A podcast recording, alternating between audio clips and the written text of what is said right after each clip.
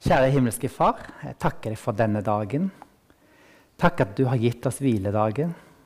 Takk at vi får lov til å samles på denne måten.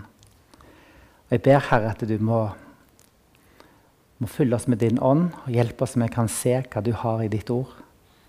Og hjelpe oss så vi kan bli enda gladere i deg, enda mer takknemlig for alt du har gjort. Amen. Ja, Vi har begynt på en serie. Det er litt rart, for jeg har bare har to søndager. Det var for to uker siden og i dag. Så det blir serien, men etter jul da skal vi fortsette med, med det, fra der vi slapp. Men vi har begynt på Ruths bok. Så eh, det er jo en veldig, veldig fin bok å lese. Det tror jeg de fleste er enige om. Det er liksom, Når du leser Ruths bok hvis du, hvis, du, leser sånn, Bibelen sånn, fra perm til perm, så har du akkurat vært gjennom Dommernes bok.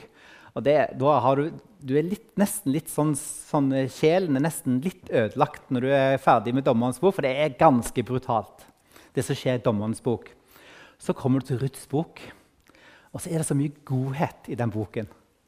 Det er så, mange, det er så ven, mye vennlighet, og det er så godt å lese Ruths bok at eh, jeg tipper ganske mange syns at det er en av favoritt-gammeltestamentbøkene å, lese. Er det rett? Det er noen som nikker. Bra. Eh, sist gang så var vi i kapittel 1. Og da hadde Ruth, eh, dvs. Si Noomi, hadde dratt til, eh, til eh, Moab fordi det, det, var ikke brød i Betlehem. Det er jo litt rart, da. Betlehem det vet dere, det betyr brødhuset. Så der var det ikke brød, så de dro dit. Eh, hun og mannen, Elimelek, det gikk ganske dårlig. Eh, først så døde mannen, og senere døde de to sønnene til, eh, til Elimelek og, og eh, Naomi. Eh, men så fikk de høre at det, det står i vers 6 i kapittel 1 at, det, at de hadde hørt i Moab at Herren hadde tatt seg av sitt folk og gitt det brød. Så nå var altså, eh, Når du leser i, i Ruths bok, så må du prøve å se den situasjonen de var i. Ruth og eh, altså Naomi og svigerdøtrene var i Moab. Og det var ikke noe særlig bra. De var, hadde ingen mann. Eh, de, de, var fattige, og de visste ikke hva de skulle gjøre. Og så tenkte, det, tenkte kanskje da Naomi at jeg hører nå at Herren har gitt dem brød i hjemlandet mitt, i Betlehem. Så de bestemmer seg for å dra tilbake. Og dette så vi på sist gang. da. Og så eh, nærmer de seg eh, kanskje På veien der da, så, de, så, så sier Naomi at eh, dra, hjem til, dra tilbake til, til Moab, dere, for dere har ingen framtid i, i, i, Betlehem. Det er mye bedre at dere drar til deres folk, og så kan dere eh, høre til dem. Og så kan dere eh, finne dere en mann og klare dere i livet. Og så gjør jo Orpa det, men Ruth hun vil ikke, vil ikke gjøre det. Eh, når de kommer til, eh, til Betlehem, så, jo, eh, så, ble jo Nomi gjenkjent av folket der. Hun hadde sikkert ikke vært der på hvem vet hvor mange år. Veldig lang tid siden hun har vært i Betlehem, tipper jeg. Og så, så, så sier de 'Oi, der er Noomi'. Og så sier hun 'Kall meg ikke Noomi, kall meg heller Mara' for den veldige har gjort livet meget bittert for meg. Rik dro jeg bort, fattig er Herren, latt meg vende tilbake. Hvorfor kaller dere meg Naomi når Herren har vitnet mot meg, og når den veldige har latt det gå så ille med meg? Og nå er det ikke sånn at du tenker at Ruth og, og Naomi de ser, de har liksom eh, ja, de har mista mennene, og nå sørger de. Og så var de liksom arbeidsledige, og så men får gå på Nav, da? Nei. Altså, var, det, situasjonen var altså så ille. Jeg, så, jeg ser de har lagd en film om Ruths bok. Vi måtte bare se litt på den. Og der, der, eh, der, hadde de en scene der Ruth og Nomi går på torget med sånn korg. De skal liksom gå ut og handle, og så kjenner de igjen Nomi og Ruth. Og så går de til, Ruth, nei, til Nomi, og så sier de, sier de 'Å, der er du'. Men det, det er så misforstått. Det var ikke sånn at De hadde en hyggelig dag på torget, og det kjente de igjen. Nei, De var altså så fattige at det ville de klare seg. ville de klare seg. Situasjonen var prekær. Det var altså så ille. Men så leste vi sist gang vi slutta i kapittel 1 med det siste verset. Der står det noe som gir håp. De kom til Betlehem da bygghøsten tok til. Og Det på en måte gir et håp om at det kanskje her kan det skje noe. Det er håp. Så kommer vi til kapittel 2, som vi skal se på i dag. Eh, og Der står det i vers 1 Nomi hadde en slektning på sin manns side, en mektig og velstående mann av Elimeleks slekt. Han het Boas. Og det, her møter vi altså eh, for første gang Boas i fortellingen. Som, er, som da vis, skal vise seg bli veldig sentral i hele boken. Eh, han ble beskrevet som en mektig og velstående mann. Og eh, det ordet for velstående det er litt vanskelig å oversette. For det kan bety òg eh, hederlig eller mektig. Det er brukt litt ulikt i, eh, i Bibelen, det hebraiske ordet. Eh, Senere i kapittel 3 så blir Ruth beskrevet med det samme ordet. Og i vår oversettelse så blir hun beskrevet som en hederlig kvinne. Så På engelsk så sier de at Boas he was a man of standing. Altså en velstående mann. Men han var en ærefull mann. Så han ble veldig positivt beskrevet her som en mann som er, Her er det et eller annet som kan gi oss håp. Eh, så eh, leser vi videre at, det, at det, det, står i vers, neste vers En dag sa Ruth, Moabit-kvinnen, til Naomi, la meg få gå ut på åkeren og sanke kornaks hos en som vil vise meg velvilje. Hun svarte, Gå du, min datter.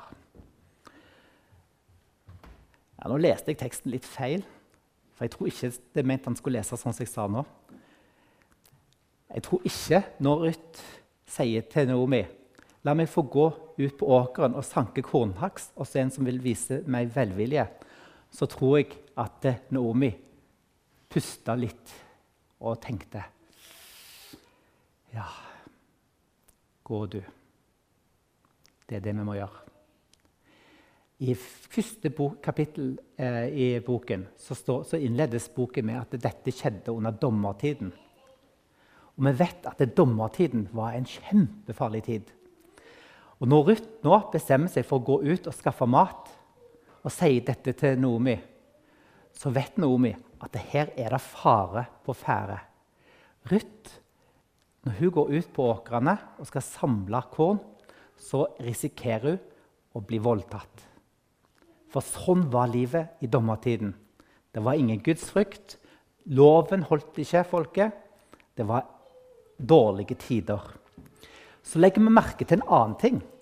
Og det er Når du leser Ruths bok, så det er nesten som, eh, nesten litt sånn, eh, som forfatteren hele veien vil minne oss på en ting. For hver gang når Ruth kommer så blir hun beskrevet ikke som en kvinne, men alltid som Moabit-kvinnen. Det er liksom understreker Ruth er fra Moab. Og Moab er ikke akkurat eh, den foretrukne plassen å, finne seg en hustru, f.eks. Moabittene som så sist gang, de var, var, ikke særlig bra sett på av, av israelittene på den tiden. Så hun bestemmer seg altså for å gå ut på åkeren og sanke kornaks.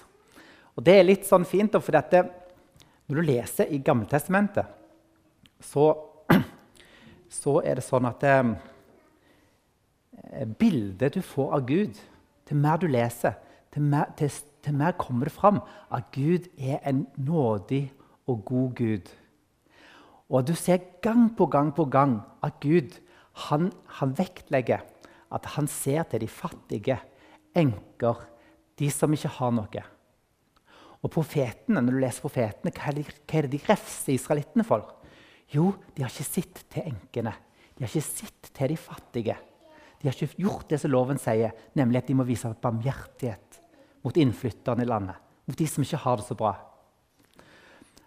Derfor har òg Gud i loven lagt en regel som sier at når de, når de, trest, når de tok og samle inn korn, så skulle de ikke gjøre jobben så bra at det var liksom helt renska for eh, korn helt ut i kantene.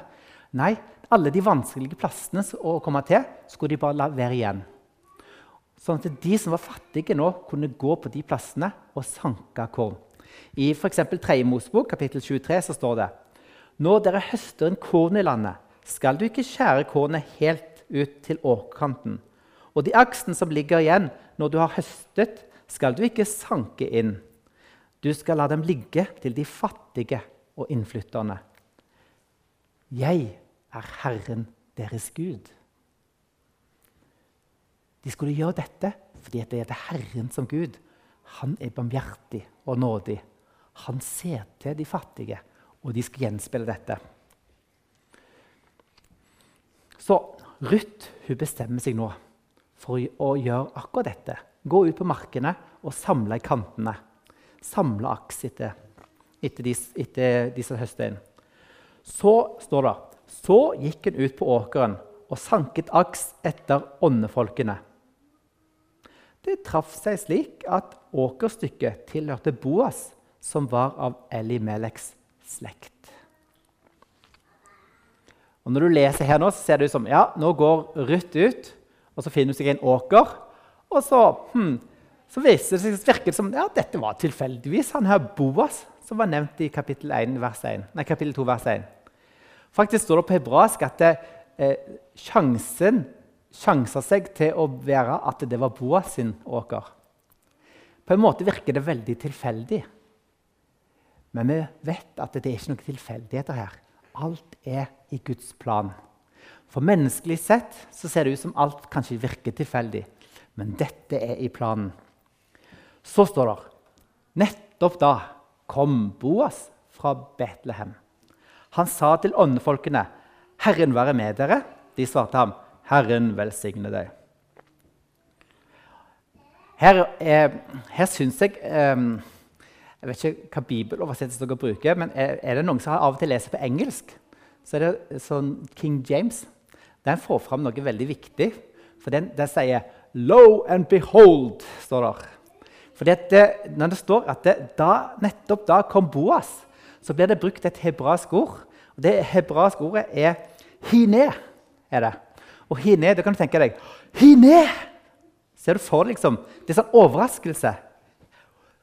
Og Kanskje en bedre oversettelse av det hadde vært noe sånn som dette. Å, se hvem som plutselig kom! Det er Boas! For det, det, det, det skal få fram overraskelsen. Å se! Nettopp da kom Boas. Hvor kom han fra? Selvfølgelig, Han kom fra Betlehem. Hvor ellers skulle han komme fra? De var jo på åkrene utenfor Betlehem. Men jeg tror forfatteren skriver dette, at han kom fra Betlehem, for å vise at her er det brød på gang. Brødhuset. Han kom fra Betlehem. Boas spurte oppsynsmennene over åndefolkene hvem hører denne unge kvinnen til. Høres ikke det litt rart ut? Det er mange, sånne, mange som er litt sånn, litt liksom femi, ha, altså Feminister syns dette høres litt rart ut. Hvem hører denne kvinnen til? Kristin, har du noen gang blitt spurt om hvem hører du til? Ja, du hører til meg? Ja, ja men eh, noen, noen, er litt sånn over at det står til hvem hører hun til, men de misforstår alt. Det kalles på fint for å lese teksten anakronistisk. Vi leser det for vårt i dag, det perspektivet vi har i dag.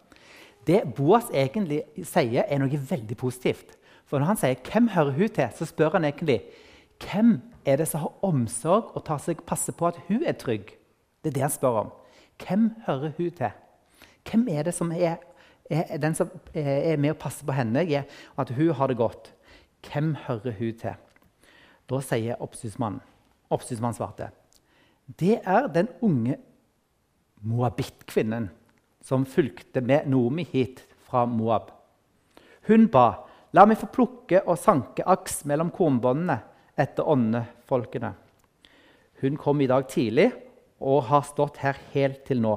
Bare en liten stund har hun vært inne og hvilt.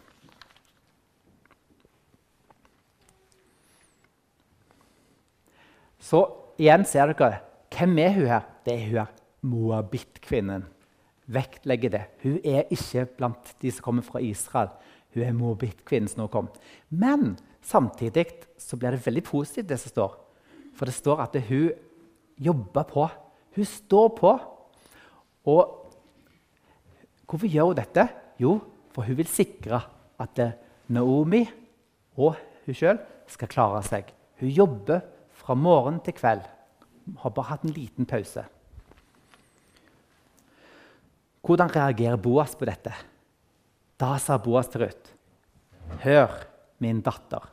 Er det ikke litt rart? 'Hør, min datter.' Det hvordan ser dere for dere de ser ut, disse folkene her, egentlig? Tror dere, eh, Den filmen som, de, som jeg bare måtte inn og se på, det var Ruth. Hun var, hun var liksom en sånn pen, eh, sånn, eh, vel, veldig sånn symmetrisk og fint kledd dame.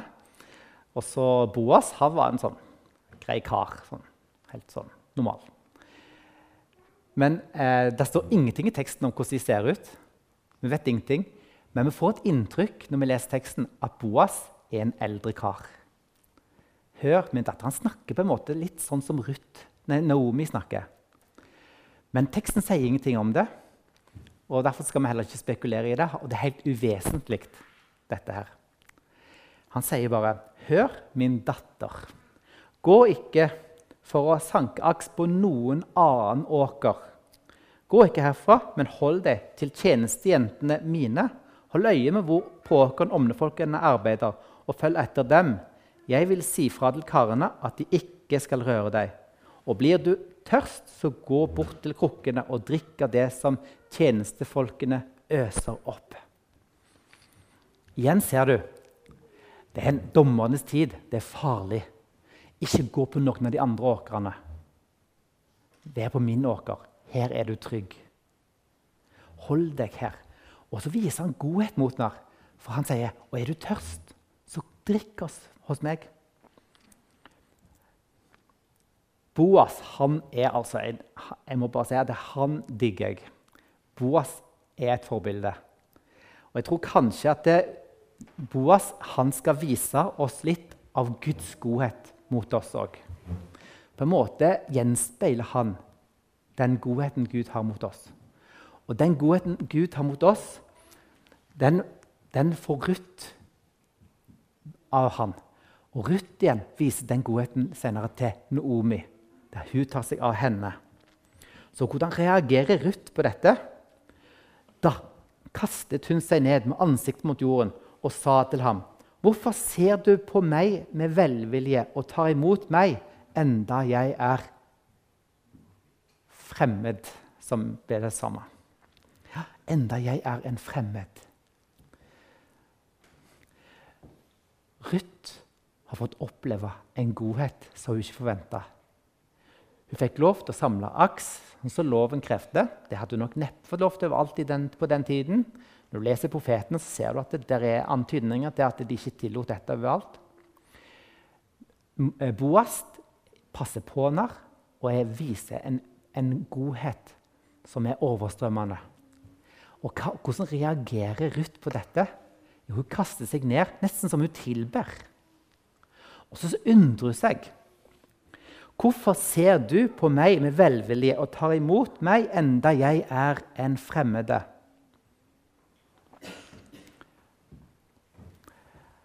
La meg tenke, stoppe litt med akkurat det. Bibelen beskriver jo oss òg som fremmede, gjør han ikke det? Vi òg er fremmede, men pga. Guds godhet så har vi fått kommet nær. Er det noen som vet hva som er favorittbrevet mitt i Bibelen? Dere vet, Det er Efeserbrevet.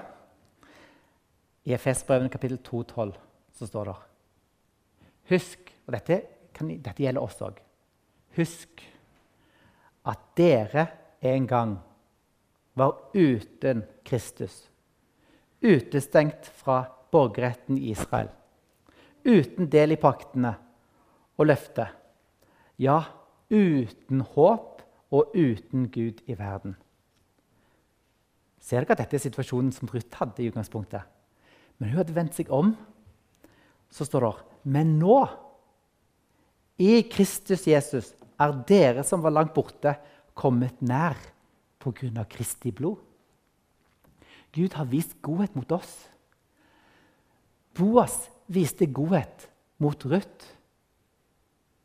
Og hva gjorde Ruth? Hun falt ned, og så undra hun seg. Hvorfor har du Hvorfor ser du på meg med velvilje og tar imot meg, enda jeg er en fremmede? Jeg må bare si for min egen del så går nå dagene. Jeg leser Bibelen og gjør de tingene som kanskje mange gjør. Og så tar jeg meg i at, at jeg kan lese de flotteste delene i Bibelen. Og så må jeg bare innom at det hender rett og slett jeg er helt urørt av det. Men tenk på det. Husk. Vi var fremmede. Vi var uten Gud, uten håp. Det er en situasjon Bibelen beskriver oss med. Men vi har fått, vi, fått oppleve Guds godhet pga. Jesus. Ruth undra seg. Hvordan svarte Boas? Mer enn én gang har de fortalt meg om, har, eh, om alt du har gjort for din svigermor etter at mannen din døde. Du forlot din far og din mor og ditt fedreland og dro til et folk du ikke kjente fra før. Herren skal lønne deg for det du har gjort. Måtte du få fullt vederlag fra Herren, Israels Gud, når du nå er kommet for å søke ly under hans vinger. Ryktet det godt om Ruth.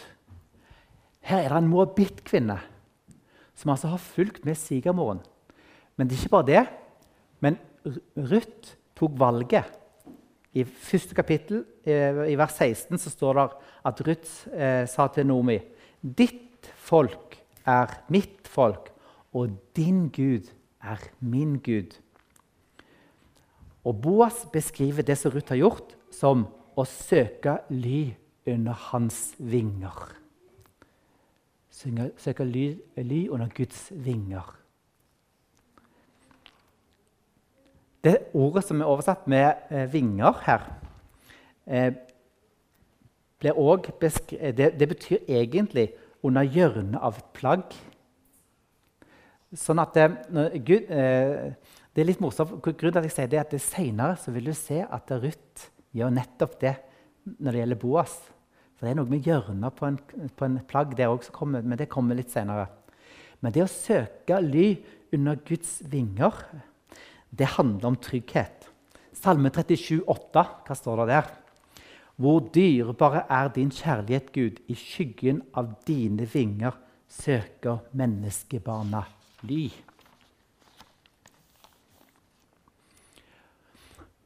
Ruth hadde tatt valget. Jeg vil følge Naomi til hennes land. Hennes Gud skal være min Gud. Hennes folk er mitt folk. Hun ville høre til det folket og ta del i de løftene, og få på den måten del i de løftene de hadde. Kanskje på en måte sammenlignet med det Ruth gjorde, som det Jesus ber oss om å gjøre i bergpreken. Han sier, 'Søk først Guds rike og hans rettferdighet'. Men hvordan går det med Ruth, der hun nå står og svetter en brennheit dag i april-mai for litt over 3000 år siden. Bygghøsten er der nå, men om en stund til er alle innhøstingene ferdig. Hva da? Ruth har handla i tro. For det var ikke sikker på at dette, dette prosjektet ville ende bra for Ruth. Når høst, bygghøsten var på, så ville det gå bra, for da kunne de gå samle en aksene. Men hva med seinere? Ville hun få alt det andre i tillegg som Jesus nevner i bergpreken. Vi leser videre. Hun sa, 'Måtte du fortsatt se på meg med velvilje, Herre.' For du har trøstet meg og snakket vennlig til, tjenest, til din tjenestekvinne, enda jeg ikke engang er som en av kvinnene i din tjeneste. Ruth var det som på godt norsk kalles for en nobody. Hun hadde ingen eh, rettigheter altså, hun, hadde, hun, hun, var helt nederst på stigen. En moabit-kvinne.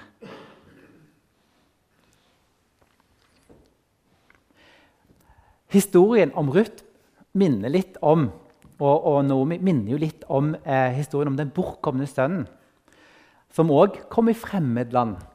Det gikk ganske dårlig. Bra, det hadde det mye penger og sånn i begynnelsen, men så gikk det ganske dårlig. Satt der og, mata grisene med disse belgfruktene som prøvde å mette seg sjøl på. Aha, fikk en glup idé. Jeg vender om og drar hjem til far min. Kanskje jeg kan få bli en tjener om ikke noe annet. Mens Ruth hun kommer. Hun var i fremmedland og blir venner om til Israel, til Betlehem. Men hun er ikke engang en tjener. Hun går her og samler aks etter åndefolket.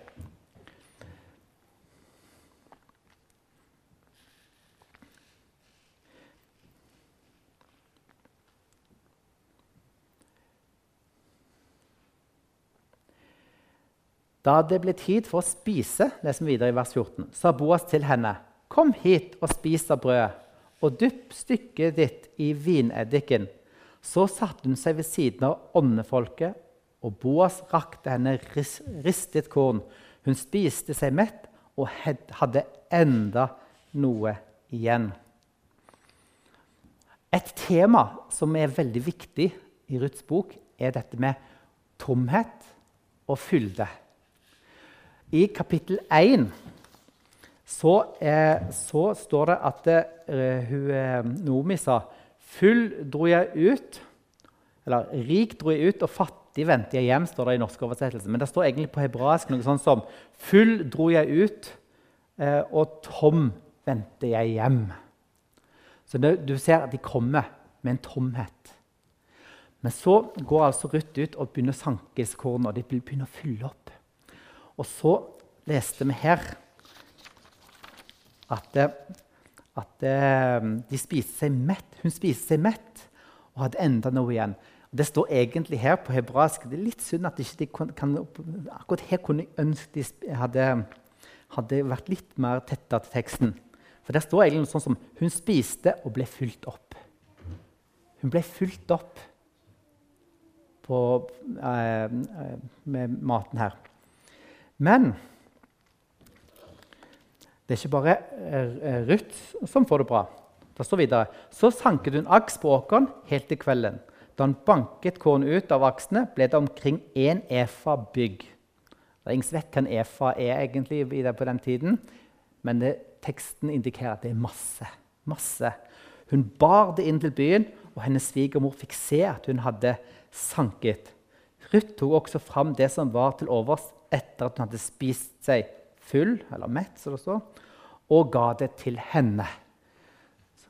Ruth hadde fått godhet. Nå får Naomi del i godheten.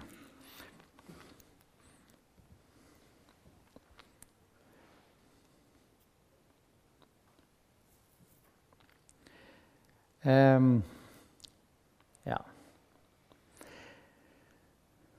Da sa svigermoren til henne hvor har du sanket i dag, og hvor har du arbeidet? Du lurer på hva som har skjedd. Det kommer med så mye. Hvor har du vært henne? Velsignet er Han som ville kjennes ved deg. Kan du se for deg eh, Naomi sitter hjemme og venter. Ruth er ute. Hun sanker fra morgen til kveld. Jeg tenker meg Ruth. Eh, Naomi sitter hjemme og lurer på så må hun sende melding hvordan det går. Det her ute er jo trygg. Nei, det gjør hun ikke. Men så kom hun hjem. Velsignet er Han som kjennes ved deg. Så fortalte hun svigermoren hvem hun hadde arbeidet, arbeidet hos. Hun sa, 'Den mannen jeg har arbeidet hos i dag, heter Boas.' Han som vi møtte i vers 1. Da sa Nomi til svigerdatteren, 'Han skal være velsignet av Herren', som ikke har sluttet å vise godhet verken mot de levende eller de døde. Litt uvisst i den teksten her, når vi leser det verset. Han skal være velsignet til Herren, som ikke har sluttet å vise godhet, verken mot de levende eller døde. Hvem som har vist godhet? Er det Boas, eller er det Herren? Men det spiller ingen rolle, for begge har vist godhet. Boas viser godhet mot Ruth og Naomi gjennom Altså Herren viser godhet gjennom Boas. Herren bruker Boas til dette.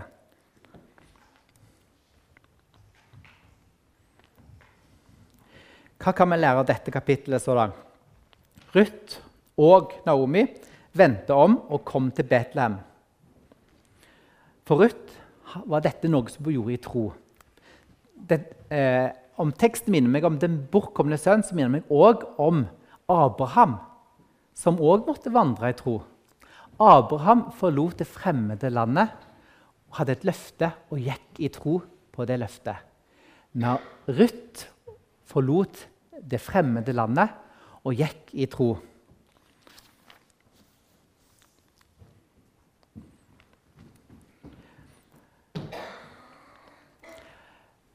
Begge to ble fulgt opp.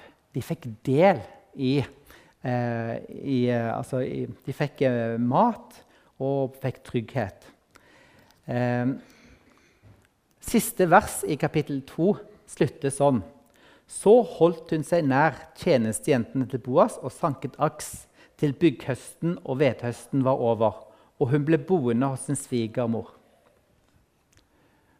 Så på en måte så ser det ut som at det, at det, at det har fått en, en bra start. Dette her. Boas har vist godhet mot Ruth og Naomi, men nå er bygghøsten og hvetehøsten over. Det er ikke noe lykkelig slutt på kapittel 2, egentlig. Hva vil skje? Og det vil vi se i neste kapittel, at Gud har en enda større plan. Han vil fylle opp men han vil òg gjøre at, at, de får, at, at, de får, en gjenløser. Så Temaet som kommer i neste kapittel, handler om gjenløser. Men når du leser Ruths bok, så vær litt obs på dette om tomhet og fylde. Pga. synden så er jo vi òg på en måte tomme. Vi har ingenting å bidra med til vår frelse. Men hva er det evangeliet sier? I Johannes 1, 16 så, så står det Av Hans fylde har vi alle fått nåde over nåde. I Kolossene 2, 9 og 10 så står det I ham er hele guddomsfylden legemlig til stede, og i Kristus, som er hodet for all makt og myndigheter, har også dere fått del i denne fylden. Så les teksten og se. Den peker fram mot den godheten vi får i Kristus. Og Det er kanskje litt av poenget med, med hele boken. For hva den viser, boken? Jo, det er et løfte på gang. Det skal komme berging. Dommernes bok har et refreng som går igjen. Det var ingen konge i Israel på den tiden. Men vi vet at Boas han blir altså eh, da oldefar til David, som blir konge i Israel. Det er litt morsomt. Så det kommer til å komme en sønn her etter hvert.